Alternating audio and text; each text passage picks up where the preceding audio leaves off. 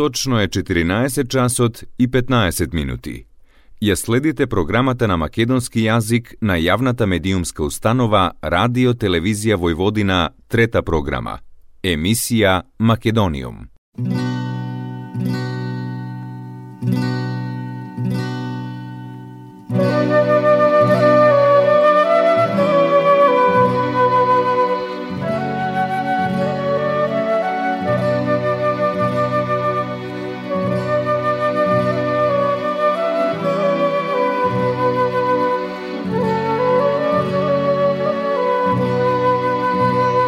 Македониум.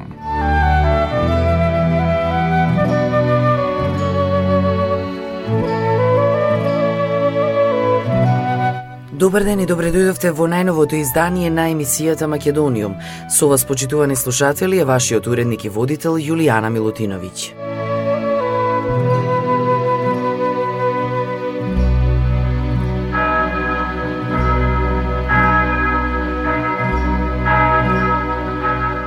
Североисточниот регион во Македонија е еден од осумте статистички региони. Тој се наоѓа во североисточниот дел на државата и се граничи со Скопскиот регион и со Источниот регион. Регионот располага со повеќе туристички одбележја и културни знаменитости со кои привлекува голем број на посетители. Како најзначајни се издвојуваат локалитетите Куклица, Кокино, Цоцев камен и манастирот Свети Јоаким Осоговски. Североисточен регион со својата локација ги опфаќа крајниот североисточен дел на Република Македонија. Се простира по течението на реките Пчиња и Криварека, а се протега долж границите со Република Србија и Република Бугарија. Просторот од север е ограничен со државната граница и планините Козјак и Герман, од исток со границата кон Бугарија, од југ со Осоговските планини, а од запад со планината Скопска Црна Гора. Ова се истовремено и помаркантните релефни форми во регионот. Меѓу нив се наоѓаат Кумановското поле и Кривопаланичката котлина со Славишко поле. Вкупната површина на овој регион изнесува 2310 км квадратни. Во планскиот североисточен регион има вкупно 192 населени места, 189 се рурални населени места и три урбани населби – Куманово, Крива Паланка и Кратово. Административен центар во североисточниот регион е Куманово. Североисточниот регион го сочинуваат шест општини – Кратово, Крива Паланка, Куманово, Липково, Ранковце и Старо Нагоричане.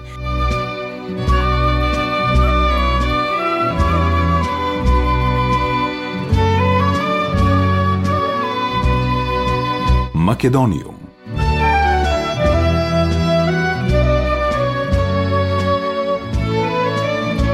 Североисточниот регион е со типично континентална клима. Просечната годишна температура во Кумановската котлина изнесува 11,8 степени, а во Крива Паланка 10,2. Просечната годишна количина врнежи во Куманово изнесува 549 мм, а во Крива Паланка 565. Овој регион се карактеризира со заштитени природни подрачја и еколошки коридори на националната еколошка мрежа за поврзување на заштитените области и еколошки важните области. Како репрезентативни подрачја се дефинирани повеќе локалитети, како на пример Кумановски козјак кој е предложен за парк на природата и покрај карпестите одсеци значајни за гнездење на неколку видови грабливи птици. Подрачјето представува краен северен ареал на распространување на некои медитерански видови – грчка желка, големо црноглаво грмушарче, лазар грмчар. Во остатоците од дабови и букови шуми на северните падини се среќаваат и други значајни видови птици.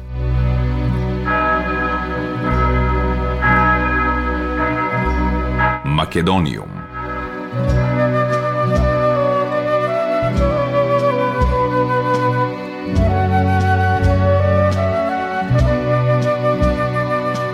Локалитетот Кокино покрај големото културно значење има и голема геоморфолошка вредност. Тој представува геолошка појава, излив или лачење на пироксенски андезити и андезити со старост од 32 до 33 милиони години. Реката Потрошница има голема орнитолошка и ботаничка вредност. Подрачјето е од посебно значење заради гнездење на повеќе видови грабливи птици и е јадрово подрачје на значајниот орнитолошки локалитет Пчиња Петрошница Криварека. Локалитетот Куклица во близина на Кратово како споменик на природата представува редок геоморфолошки облик. Бислимската клисура е кратка клисура со изразено субмедитеранско климатско влијание, богата со подземни и површински карстни форми. Во пештерите се среќаваат значајни колонии лилјаци и регистрирано е присуство на троглофилни видови. Од посебно значење е за гнездење на некои медитерански игравливи видови птици, египетски мршојадец, сив сокол, златен орел, лисест глувчар, црн штрк и други. По карпите се развива хазмофитска вегетација и овој локалитет има голема биолошка и геоморфолошка вредност. Клисурата на река Киселица е од голема зоолошка вредност, иако оваа мала клисура е со недоволно проучени природни вредности. Значајна е заради присуството на видра, но возможно е присуство на уште неколку значајни видови од рбетниците.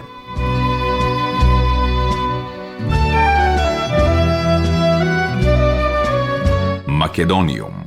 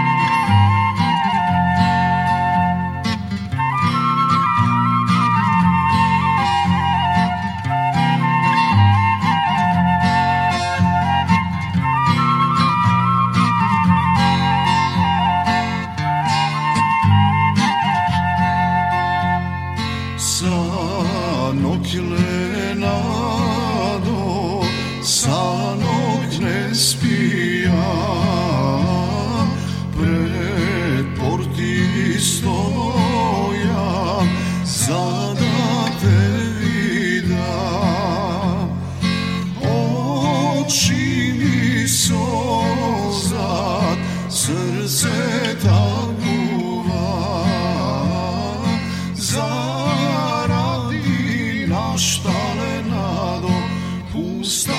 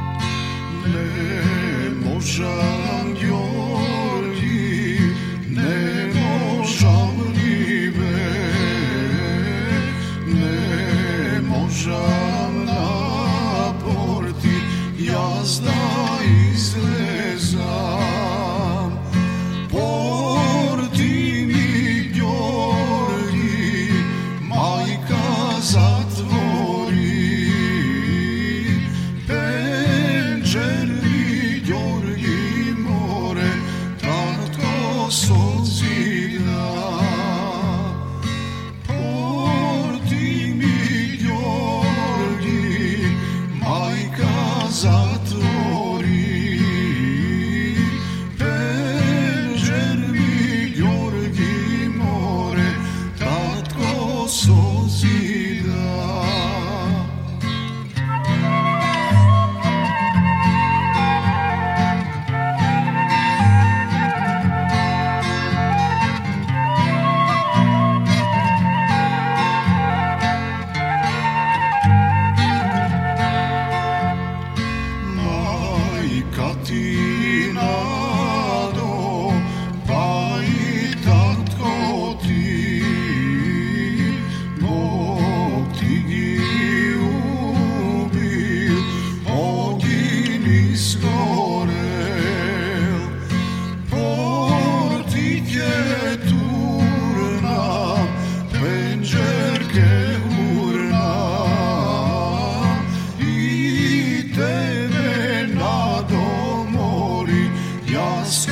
Thursday morning.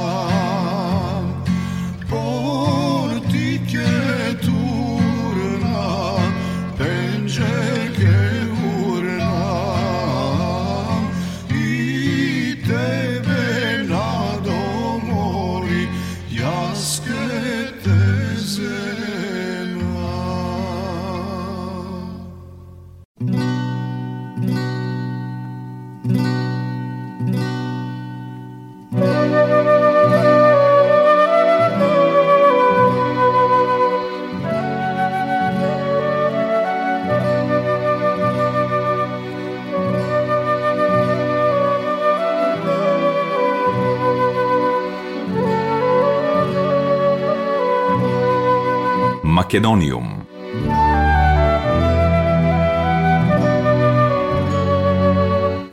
На територијата на Североисточен регион делумно се простираат и осоговски планини кои поседуваат значајни вредности од биолошкиот аспект. Идентификувани се голем број на меѓународно и национално значајни видови од флората и фауната, од кои значителен дел се засегнати ендемични или ретки видови. Покрај тоа Осогово е идентификувано како значајно растително подрачје.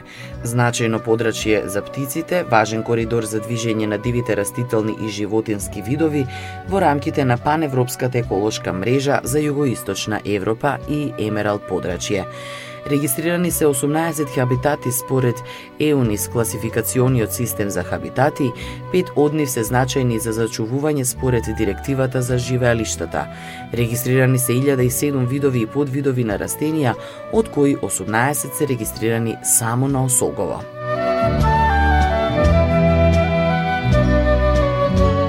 Македониум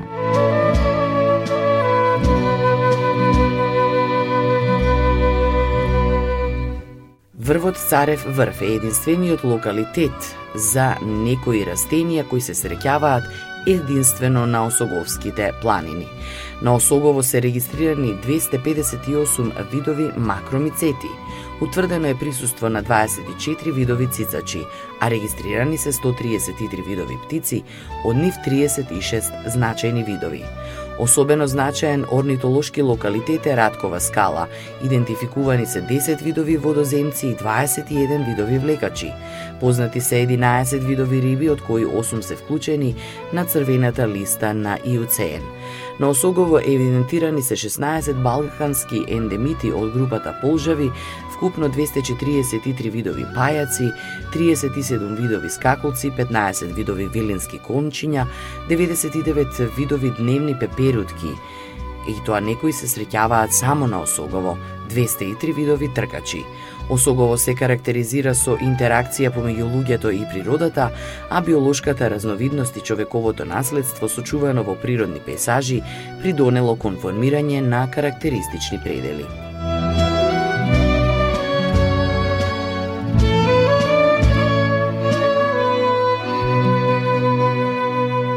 Македониум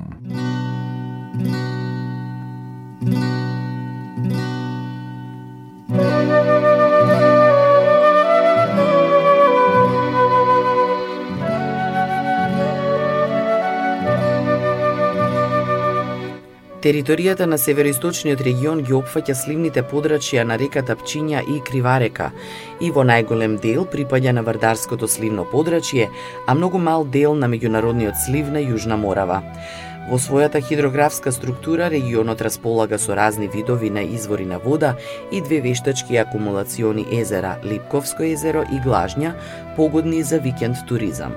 Водниот потенцијал се должи на релативно високата надморска височина на која се наоѓа дел од регионот, како и геолошкиот состав на земјиштето. Регионот изобилува со бројни реки и мали сливови кои припаѓаат на Криварека и Дурачка река. На подрачјето на општината Крива Паланка се изградени две акумулации, Базијачко брдо и акумулацијата Влашки колиби. По карактеристичен хидрографски објект е термоминералниот извор кај селото Проевци близу Куманово, кој е уреден како бања. Североисточниот регион е познат и по извори на топла вода бањи. Овде се наоѓаат Кумановска бања во село Проевце и Стрновац бања во истражување и изградба.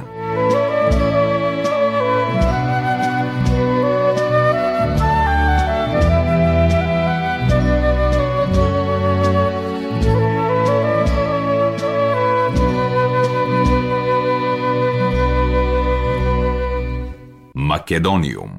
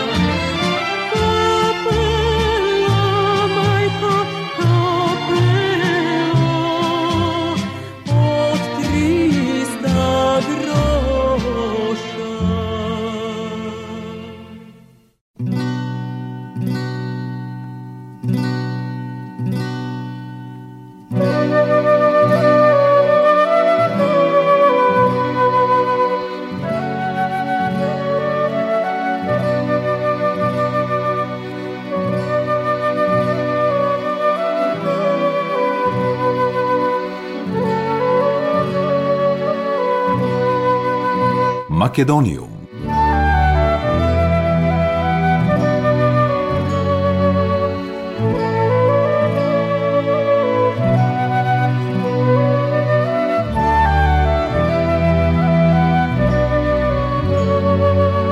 Патната инфраструктура во североисточниот регион се состои од локална, регионална и апатна мрежа. Низ овој регион поминуваат европските коридори 7 и 10. Постојната патна инфраструктура во североисточен регион се состои од 888 км локални патишта, 99 км, а државни патишта и 370 км регионални. Главни патни правци кои што го поврзуваат овој регион со другите региони се државниот пат А1 и државниот пат А2. Покрај патиштата во состав на транспортните коридори се и железничките траси. Во североисточниот регион лоцирани се две железнички линии и тоа во коридорот број 8 е трасата на железничката линија од Куманово во врска со железничката линија од коридорот број 10 преку Крива Паланка продолжува кон Бугарија. Во коридорот 10 е трасата на железничката линија граница со Србија, Куманово, Скопје и граница со Грција.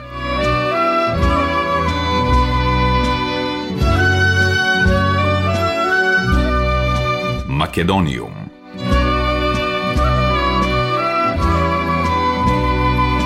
Во Куманово, како најголема градска населба, се издвојуваат црквите Свети Никола од 1851 година, Света Тројца, Народниот музеј, Занечискиот дом, споменикот на револуцијата и други некои споменици.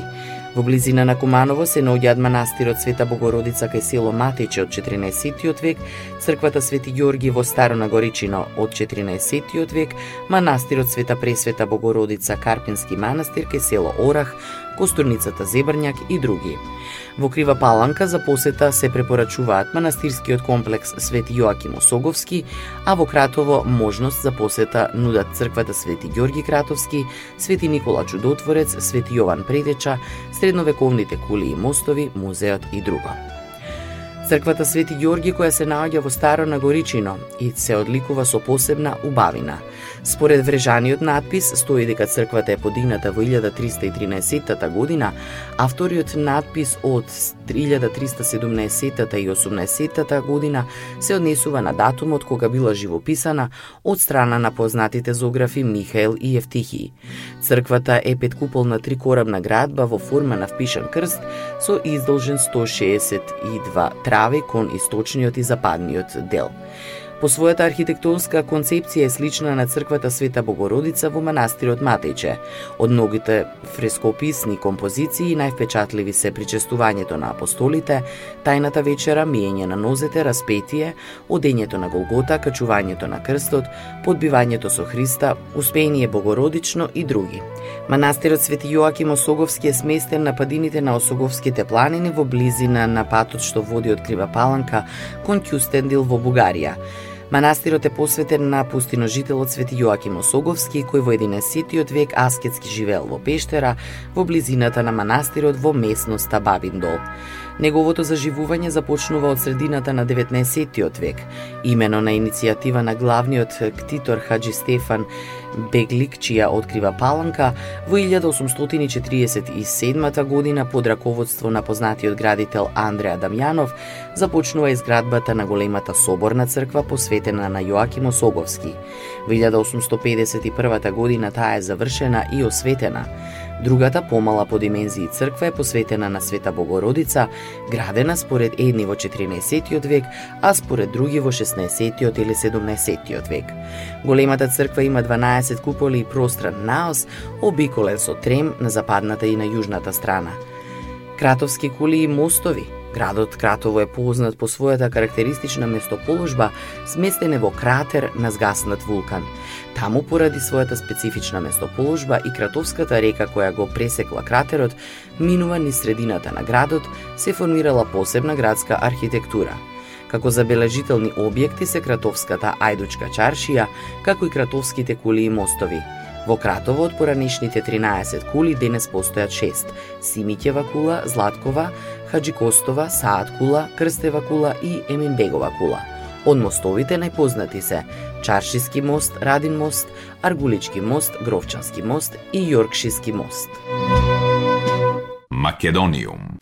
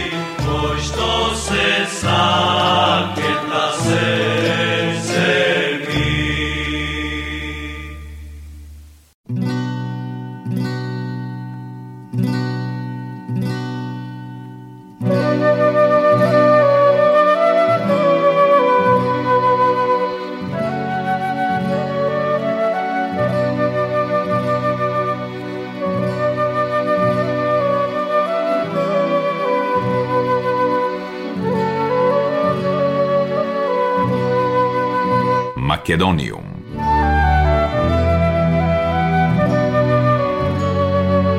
Почитувани слушатели, тоа беше се во денешното издание на емисијата Македониум. До следната среда во исто време, срдечен и голем поздрав од вашиот уредник и водител Јулијана Милутиновиќ.